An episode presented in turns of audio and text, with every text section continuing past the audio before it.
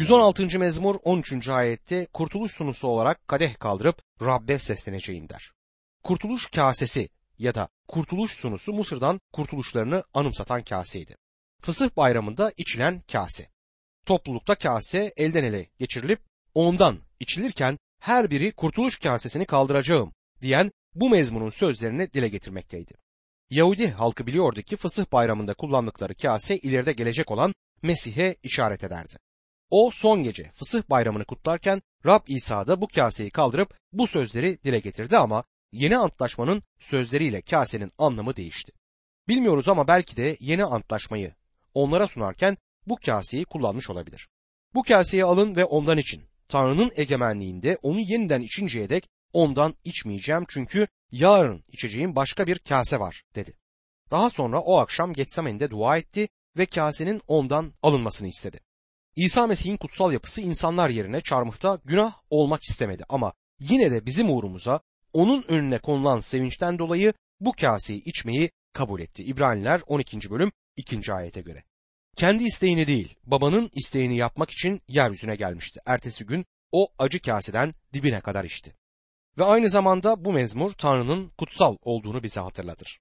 Şimdi bu mezmurun son kısmına geldik. Bu kesimde Tanrı'nın kutsal olduğu dile getirilmektedir. Onun kutsallığı önemlidir. Kutsallığı olmasaydı bizim yerimize çarmıhta ölmesine gerek kalmazdı. 116. mezmur 15. ayette Rabbin gözünde değerlidir, sadık kullarının ölümü der. Mesih'in çarmıh üzerindeki ölümü Tanrı için çok değerliydi. Büyük sıkıntı döneminde de hayatlarını hiçe sayıp Mesih uğruna ölecek olanların ölümleri Tanrı huzurunda çok değerli olacaktır. İnanın birçok kişi bu şekilde ölecektir. Bugün de Rab uğruna hayatlarını feda eden insanlar var. Geçmişte olduğu gibi gelecekte de bu şekilde hayatını feda edenler olacaktır. Tanrı'nın çocuklarının şehit oluşu onun gözünde çok değerlidir. 116. mezmur 16 ve 17. ayetlerde Ya Rab ben gerçekten senin kulunum. Kulun hizmetçinin oğluyum. Sen çözdün bağlarımı. Ya Rab sana seslenecek, şükran kurbanı sunacağım der. Tanrı'ya verebileceğiniz tek şey şükrandır. Senden beklediği budur. Tanrı kendi çocuklarının şükran dolu yürekle kendisine yaklaşmasını ister. Sana sağlamış olduğu kurtuluş için ona teşekkür ettin mi? Bugün sana verdiği için ona teşekkür ettin mi? Yeni bir günün ışığını görebilmek, yeni bir güne başlayabilmek gerçekten bunlar ayrıcalıklı tecrübelerdir. Dostum senin Tanrı'ya verebileceğin hiçbir şey yok. Tanrı'nın senin verebileceğin herhangi bir şeye ihtiyacı da yok. Çünkü onun hiçbir ihtiyacı bulunmaz. Ona verebileceğimiz hiçbir şey onun bir eksiğini tamamlamaz. Çünkü onun eksiği yoktur. Mezmur yazarı sana şükran kurbanı sunacağım der. Yani ona şükredeceğim. Bunun ne kadar önemli olduğunu anlamazsak o zaman İbraniler mektubunun yazarının ne dediğini dinlemeliyiz. İbraniler 13. bölüm 15. ayette bu nedenle İsa aracılığıyla Tanrı'ya sürekli övgü kurbanları yani onun adını açıkça anan dudakların meyvesini sunalım der. Evet kardeşim Tanrı'ya verebileceğimiz tek şey şükranlarımızdır. Bunların göksel babamızın gözünde ne kadar değerli olduğunu bilmenizi isterim. 117. mezmurda Tanrı'ya sunulan evrensel övgü için şükredilir. Bu yine Haleluya mezmurlarından birisidir ve aynı zamanda da çok kısa bir mezmurdur. Daha önce de belirttiğim gibi Hamd mezmurları 113. mezmur ile başlar ve 118. mezmur ile son bulur. Bunlar İsrail'in önemli bayramlarında yani Fısıh, Pentikost ve Çardak bayramlarında ilahi olarak söyledikleri mezmurlardır. Fısıh bayramında kase elden ele yedi defa dolaşırdı ve bu kase başladığı yere her döndüğünde bu mezmurlardan bir tanesi okunurdu. Bazı yorumculara göre 113. ve 114. mezmurlar fısıh yemeğinden önce, 117 ve 118. mezmurlar ise yemekten sonra söylenirdi. Hangi sıraya göre söylendikleri önemli değildir. Önemli olan bu mezmurların fısıh bayramında ilahi niteliğinde ezgiler olarak okunmasıdır. 118. mezmur en son okunan mezmurdu. Matta şöyle yazar. 26. bölüm 30. ayette Matta'da. İlahi söyledikten sonra dışarı çıkıp Zeytin Dağı'na doğru gittiler. Bu yalnızca kutsal kitabın en kısa mezmuru olarak yerini almakla kalmaz. Aynı zamanda tüm kutsal kitapta en kısa bölüm olarak da bilinir. Kısa olduğundan bu mezmura gereken önemi vermiyor olabiliriz. 117. mezmur 1. ayet şöyle başlar. Ey bütün uluslar! Rabbe övgüler sunun. Ey bütün halklar onu yüceltin. Yine hatırlamalıyız. Rabbe övgüler sunun ifadesi haleluya sözcüğünün bir anlatımıdır. 117. mezmur 2. ayette çünkü bize beslediği sevgi büyüktür. Rabbin sadakati sonsuza dek sürer, Rabbe övgüler sunun der. Burada kayda değer ayetler bulunur ve bunları gelişi güzel okumamaya dikkat etmemiz gerekir. Ey bütün uluslar Rabbi yüceltin ifadesi hem bir buyruktur hem de peygamberlik niteliğinde geleceğe dönük bir sözdür. İlerideki bir güne ışık tutar. Öyle bir zaman gelecek ki her ulus, her ırk, her kabile ve dil Tanrı'yı Rab olarak yüceltecek, ona tapınacak ve onu Rab olarak övecektir. Her kıtadan, her ulustan insanlar bunu yapacak. Günümüzde böyle bir durumun var olduğunu söyleyemiyoruz. Çevrenizde herkesin Rabbi övdüğünü ve ona tapındığını görüyor musunuz? Tüm dünyanın günahlarından tövbe edip Rabbe döndüğünü söyleyebilir misiniz? Şu anda yaşamakta olduğumuz bu yüzyılın dışında bazı ruhsal uyanışlardan dolayı bin yıllık egemenlik döneminin başlamak üzere olduğu ileri sürülmeye başlanmıştır. Tabii ki bin yıllık egemenlik döneminin kilise göğe alınmadan başlaması değişik doktrinleri çağrıştırmaktadır. Bazı imanlar İsa Mesih'in ikinci gelişini ve kilisenin göğe alınışını aynı zaman dilimi içinde görmezler. Önce bin yıllık egemenlik kurulacak derler ve ondan sonra kilise göğe alınacak. Büyük sıkıntı dönemini nasıl açıklayacaklar onu bilmiyorum. İçinde bulunduğumuz bu yüzyılın başında birisi kalkıp da bin yıllık egemenlik kurulmadan önce kilise göğe alınacak sonra sıkıntı dönemi başlayacak deseydi onu yedi köyden kovarlardı. Ey tüm uluslar Rabbe övgüler yükseltin diyor. Bu noktada bir soru sormak isterim. Şu anda Tanrı'yı yücelten uluslar nerede? Ona tapınan, onu seven, ona hayatını tümüyle teslim eden uluslar nerededir? Bunları bana gösterir misiniz? Bu soruların cevabı çok basittir. Bugün bu şekilde Rabbe tapınan ulus yoktur. Peygamberlerin ileriye dönük sözlerine göre tüm uluslar Rabbi yüceltecek, ona tapınacaktır. Zekeriya peygamber, Zekeriya 2. bölüm 11. ayette şöyle yazdı. O gün birçok ulus Rab'be bağlanacak. Onun halkı olacak. O zaman Rab aranızda yaşayacak. Siz de beni her şeye egemen Rabbin gönderdiğini anlayacaksınız. Zekeriya 14. bölüm 16. ayette ise Yarışülme saldıran uluslardan sağ kalanların hepsi her şeye egemen Rab olan krala tapınmak ve çardak bayramını kutlamak için yıldan yıla Yarışlim'e gidecekler der. Bu sözlerden de anlıyoruz ki ancak İsrail Tanrı'ya döndükten sonra tüm uluslar Rab'be tapınacak ve onu övecektir. Şimdi bir başka sorum daha var. Tüm bunlar ne zaman gerçekleşecek? Ben bu son sorunun yanıtını bu kısa mezmurda bulacağımıza inanıyorum. Uluslar Tanrı'yı ne zaman övecekler? İkinci ayette ne yazdığına özellikle dikkat ederek okumalıyız. Çünkü bize beslediği inayeti büyüktür. Biz derken kimden söz eder? Tabii ki İsrail ulusundan söz etmektedir. Gün gelecek ki Tanrı İsrail'e karşı merhametini ve lütfunu gösterecektir. Burada sözü edilen gün ileridedir. Büyük sıkıntı döneminin sonunda Rab İsa tekrar yeryüzüne geldiğinde kendi egemenliğini kuracaktır. İşte o zaman bu peygamberlik sözü gerçekleşecektir. İşte o zaman İsrail'e ve onunla birlikte tüm uluslara lütuf gösterilecektir. O dönemde ne olacağını Mika peygamber Mika 7. bölüm 20. ayette şöyle betimler. Geçmişte atalarımıza ant içtiğin gibi Yakub'un ve İbrahim'in torunları olan bizlere de verdiğin sözü tutacak ve sadık kalacaksın. Yeşaya peygamber de bundan söz ederek Yeşaya 54. bölüm 7 ve 8. ayetlerde şöyle yazar. Bir an için seni terk ettim ama büyük sevecenlikle geri getireceğim. Bir anlık taşkın öfkeyle senden yüz çevirmiştim. Ama sonsuz sadakatle sana sevecenlik göstereceğim. Seni kurtaran Rab böyle diyor. Değerli dinleyicim görüyoruz ki bu kısa mezmur gelecekteki olaylara ışık tutmaktadır. Gelecekte tüm ulusların Rabbe tapınacağı ve onu öveceği günden söz eder. Acaba yeni antlaşma bölümünde bu olaylardan söz edilir mi? Evet. Elçilerin İşleri 15. bölümde Yeruşalim'de bir araya gelen konseyden söz edilmektedir. Bu konseyin üyeleri Yahudi imanlardan oluşmaktaydı. Eski antlaşmada verilen tüm peygamberliklerin neden yerine gelmediğini merak ediyorlardı. Konseyin sonunda Yakup ayağa kalktı ve elçilerin işleri 15. bölüm 14 ila 18. ayetler arasında kaydedilen şu sözleri söyledi. Simon Tanrı'nın öteki uluslardan kendisine ait olacak bir halk çıkartmak amacıyla onlara ilk kez nasıl yaklaştığını anlatmıştır. Peygamberlerin sözleri de bunu doğrulamaktadır. Yazılmış olduğu gibi. Bundan sonra ben geri dönüp Davut'un yıkık konutunu yeniden kuracağım. Onun yıkıntılarını yeniden kurup onu tekrar ayağa kaldıracağım. Öyle ki geriye kalan insanlar bana ait olan bütün uluslar Rabbi arasınlar. Bunları ta başlangıçtan bildiren Rab işte böyle diyor. İşte gördüğümüz gibi şu anda çalışmakta olduğumuz bu 117. mezmur ileriye dönük bir mezmurdur. Yani gelecekten söz eder. Öyle bir gelecek ki yeryüzünün tüm yaratıkları Tanrı'yı övecektir. Bugün uluslar Tanrı'yı övüyor desek herhalde doğru söylemiş olmayız. Belki dünyanın bir köşeciğinde ruhsal uyanış zamanında insanların Tanrı'yı övdüklerine, ona tapındıklarına tanık olabiliriz ama genelde dünya Tanrı'ya karşıdır. Tanrı'yı övmez, ona tapınmaz ve hatta onunla alay ederler. Şu anda dünya çapında insanların Rabbe döndüklerini destekleyen hiçbir kanıt yoktur. Ancak ileride bir zaman gelecek ki 67. mezmur 7. ayette yazanlar gerçekleşecektir. 67. mezmur 7. ayette şöyle yazar. Tanrı bize bolluk versin. Dünyanın dört bucağındakiler ondan korksun. 117. mezmur gerçekten kısa ama harika bir mezmurdur. Tüm mezmurların ortasında patlamaya hazır bir bomba gibi beklemektedir. İleride yer alacak olan bir olayın habercisidir. Şu anda Mesih imanları bin yıl öncesi ya da bin yıl sonrası diye tartışa dursunlar. Bu mezmur gerçekleşince tüm gerçekler de ortaya çıkacaktır.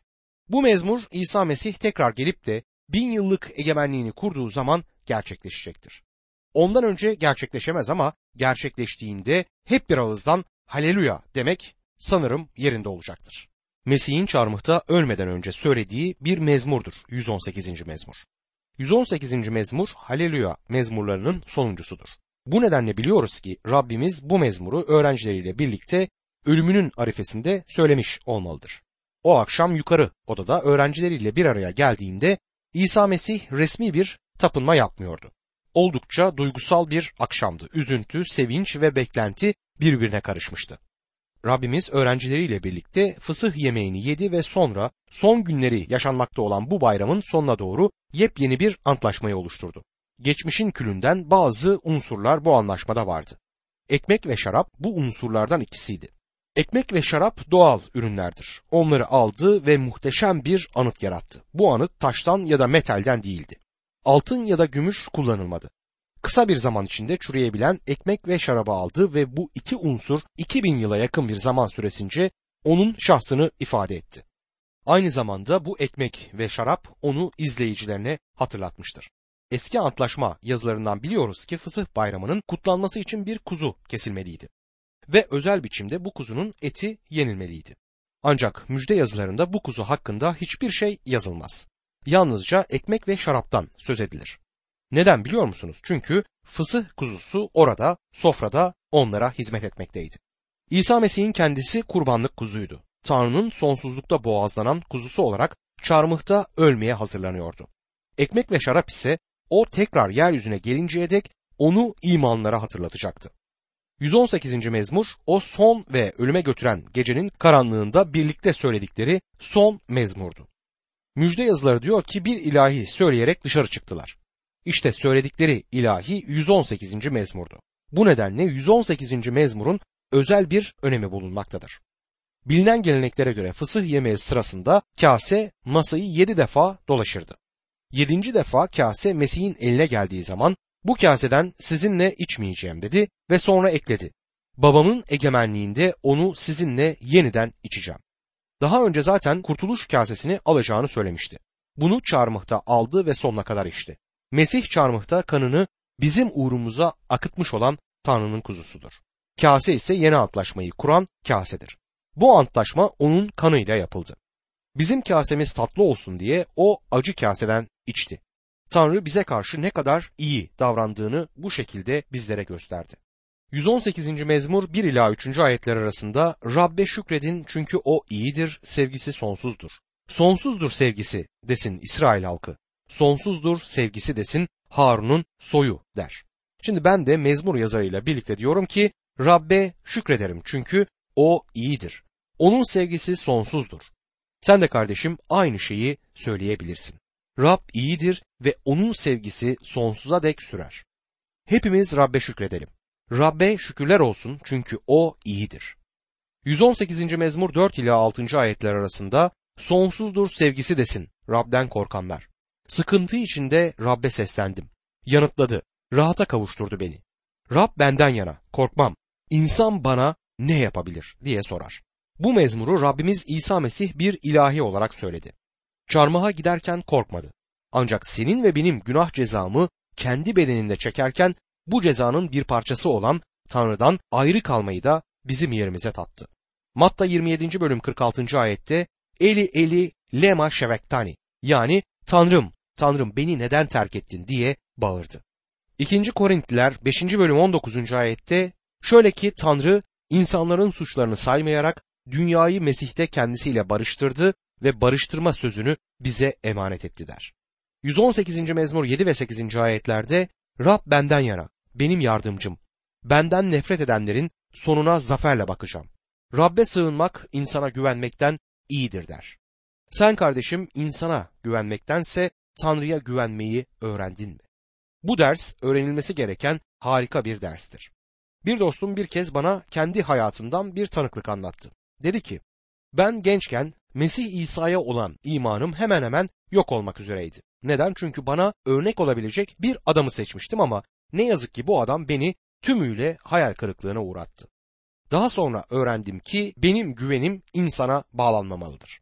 Bir hata yaptığımı öğrendim. Mezmur yazarı diyor ki insanlara güvenmektense Tanrı'ya güvenmek iyidir.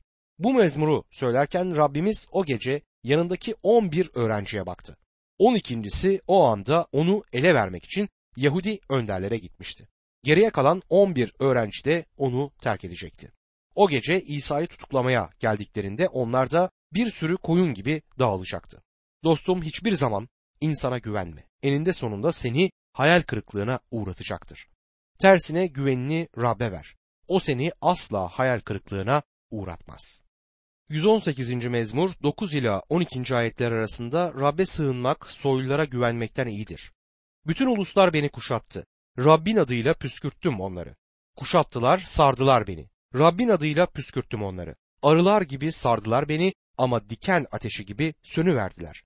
Rabbin adıyla püskürttüm onları der. Bütün uluslar beni kuşattı.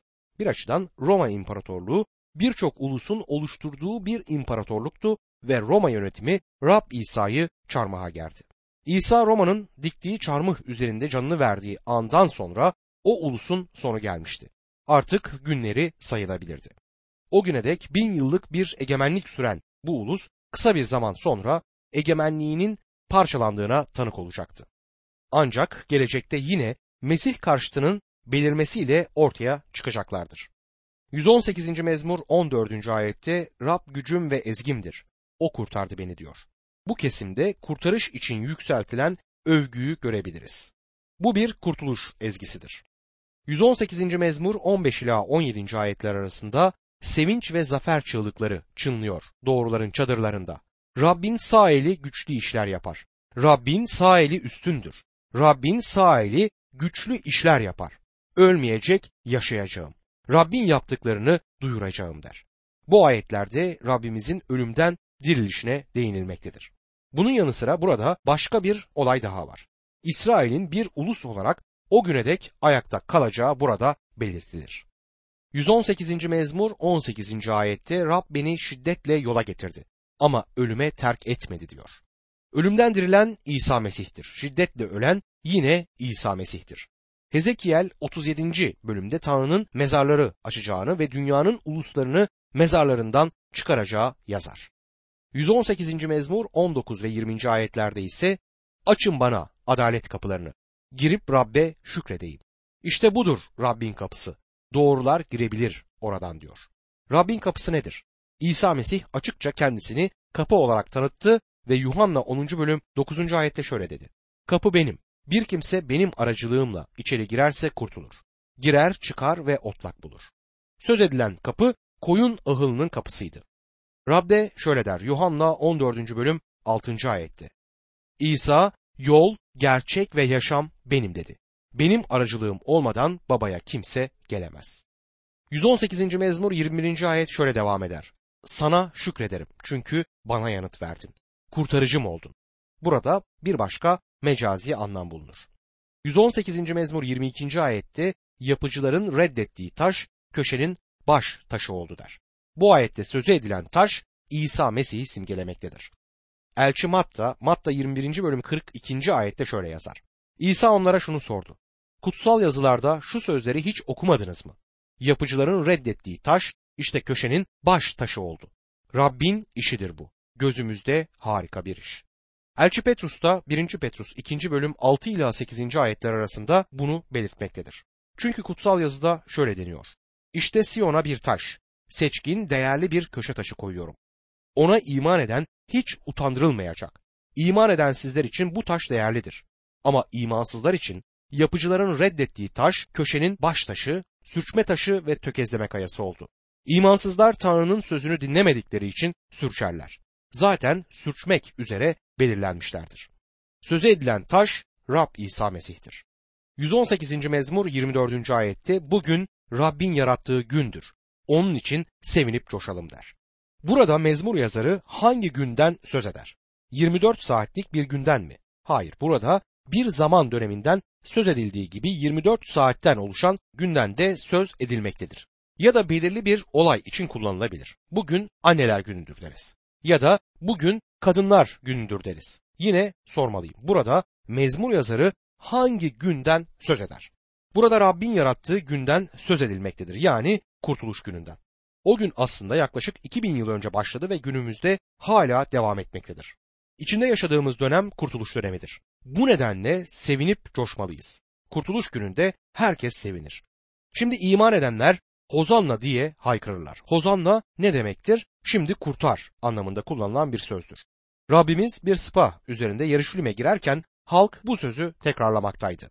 Hozanna, Hozanna, Davut'un oğluna Hozanna yani şimdi kurtar.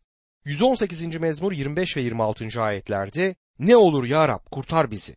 Ne olur başarılı kıl bizi. Kutsansın Rabbin adıyla gelen. Kutsuyoruz sizi Rabbin evinden der. Rabbimiz tapınağı temizledikten sonra Rabbin adıyla gelene kutluluk dilemişti.